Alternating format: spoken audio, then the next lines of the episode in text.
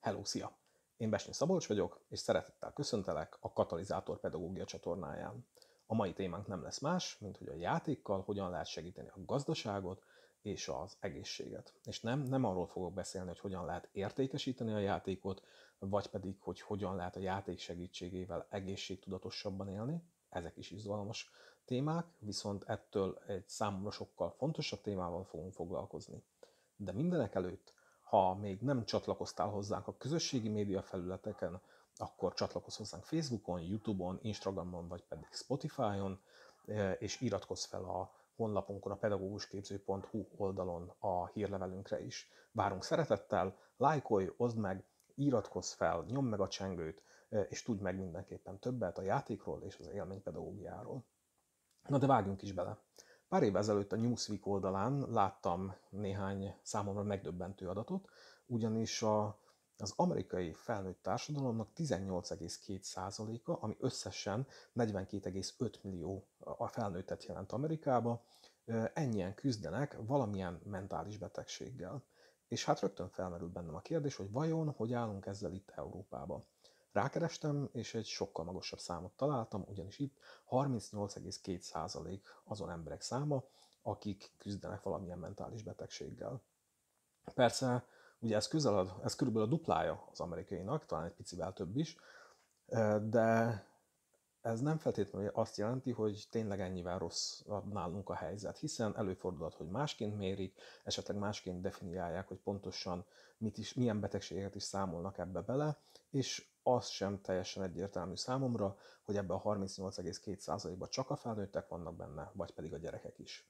Mert hogy a gyerekekről is találtam jó néhány adatot, és ez volt számomra az igazán megdöbbentő, hogy akár már az általános iskolás gyerekek is küzdenek olyan dolgokkal, amikről azt gondoltam, hogy nem, vagy legalábbis nem ilyen nagy százalékban küzdenek vele.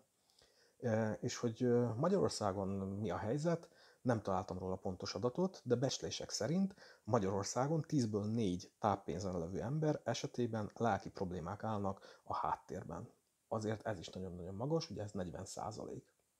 Hogyha úgy nézem, akkor még az európai átlagtól is magasabb. És hát, ha nézted az előző héten a videómat, akkor ott arról beszéltem, hogy vajon hogyan fog változni a világ, és persze ezek csak feltételezések voltak, de hogyha azt vesszük alapul, hogy az elmúlt időszakban mennyire gyorsult fel, és ez hogyan hatott ránk, akkor felmerülhet a kérdés, hogy vajon ezek a számok, amiket az előbb bemutattam, akár Amerikában, akár itt Európában, vagy konkrétan Magyarországon, hogy ezek a számok vajon csökkenni fognak, vagy pedig növekedni. Én nem tudom, de ha tippelnem kellene, akkor azt mondanám, hogy valószínűleg növekedni fognak. És hát ez elég aggasztó. És hát azon kezdtem el gondolkodni, hogy én ezzel hogy is vagyok. Az én életemben mennyire volt meg, nehéz megélnem az érzéseimet, hogy vagyok én lelkileg, és, és mi segített nekem ebben. És hát én nagyon olyan társadalomban, nagyon olyan közösségben nőttem fel, ahol így azt sugalták, azt tanultam meg, hogy az ember az legyen kemény, főleg a férfi. Az még esetleg oké, hogyha dühös, mert hogy egy dühösnek ér lenni egy férfinek, ő harcolhat, de hogy azt megélni, hogy esetleg csalódott vagyok, hogy valami rosszul esik, hogy esetleg valami miatt sírok, hogy ne Isten gyászolok, ezeket inkább nem kell kimutatni. És az volt a megélésem, hogy a nőknél ugyanez nem ennyire erős, de azért ott is előfordul. És ami még nagyon érdekes volt számomra, hogy sokszor azt látom, hogy a pozitív érzelmeket sem merjük megélni, hiszen most én éppen boldog vagyok, de nem mondom el, nehogy irigy legyen rám a másik, és inkább megtartom magamnak, ezt is magamba zárom. És ugyan nekem az volt a nagyon nagy szerencsém, hogy a szűk családban viszont nem ezt láttam, és ahogy így nőttem fel, ugyan nagyon ezek az elvek határozták meg, hogy egy ember az legyen kemény, de mégis idővel, ahogy hatottak rám a dolgok, vagy amiket otthonról tudtam hozni, az abba az irányba nevelt, abba az irányba vezetett, hogy a, az érzelmeimet csak ki kell valahogyan fejezni, és ez abszolút nem volt könnyű. De most ezzel a fejjel azt gondolom, hogy az igazi bátorság az nem az, hogyha valaki kemény, hanem az igazi bátorság az az, hogyha merek érezni. Bátor az, aki érez, és azt ki tudja már fejezni, hogy az arra szükség van. igen, hogy ki tudjam mondani azt, hogy most nekem valami fáj, rosszul esik, vagy éppen sikerélményem van, örülök valaminek, frusztrál valami. És elgondolkodtam azon, hogyha mondjuk minden gyerek valami csoda folytán megtanulná azt, hogy hogyan ismerje fel az érzelmeit, hogyan fejezze azt ki, hogyan kommunikálja ezt a többiekkel, hogyan működjön közösségben, hogyan fogadjon el másokat, vagy hogyan vállaljon felelősséget a tetteiért, döntéseiért, akkor, akkor ez vajon csökkentené azokat a számokat, amikről eddig beszéltem. És nem, nem gondolom azt, hogy csak ennyivel minden mentális betegséget meg lehetne szüntetni, de talán van olyan reményem, hogy egy részét igen. És ha ez így van esetleg, akkor érdemes tehát tovább gondolni, hogyha ha ezt meg tudnánk tanítani a gyerekeknek, akkor ez mi lenne, mi lenne, hogyha ők egyszer csak felnőnének? Akkor ez hogyan hatna ki mondjuk a munkahelyükre? Kevesebb lenne a munkahelyi hiányzás? És hogy ez akkor itt több profitot eredményezhetne a cégeknek? Mennyivel csökkenne az esetleges szakember hiány? És itt akár bele lehetne, itt nagyon sok kérdést írtam fel, akár bele lehetne nézni abban is, hogy a magánéletek hogyan alakulhatnak. Lenne ettől mondjuk kevesebb vállás, szakítás, és hogy ami még nekem nagyon izgalmas, hogy mindez hogyan hatna hosszú távon. Hiszen aki, aki úgy nő fel, hogy már ki tudja fejezni az érzelmeit, felismeri azokat, tudja kommunikálni, akkor az ő családjában is valószínűleg ezt tovább tudja adni, és az a feltételezésem, hogy ez így generációkon keresztül spirálszerűen emelkedni tudna, és egyre csökkennének ezek a számok, amikről beszéltünk.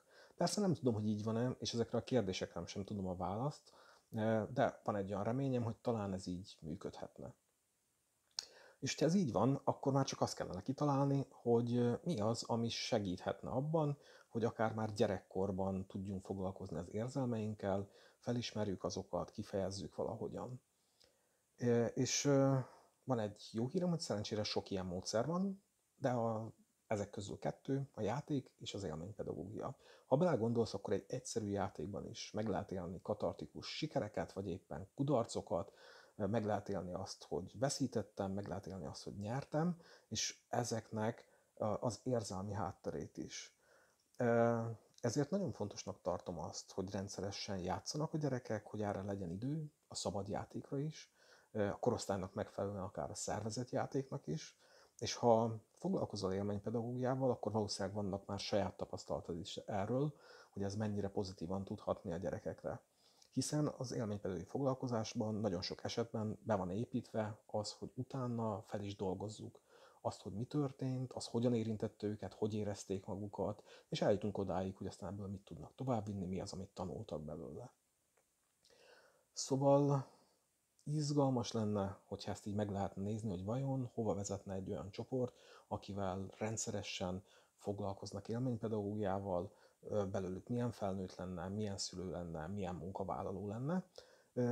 Az talán választ tudna adni erre a rengeteg kérdésre, amiket felsorakoztattam.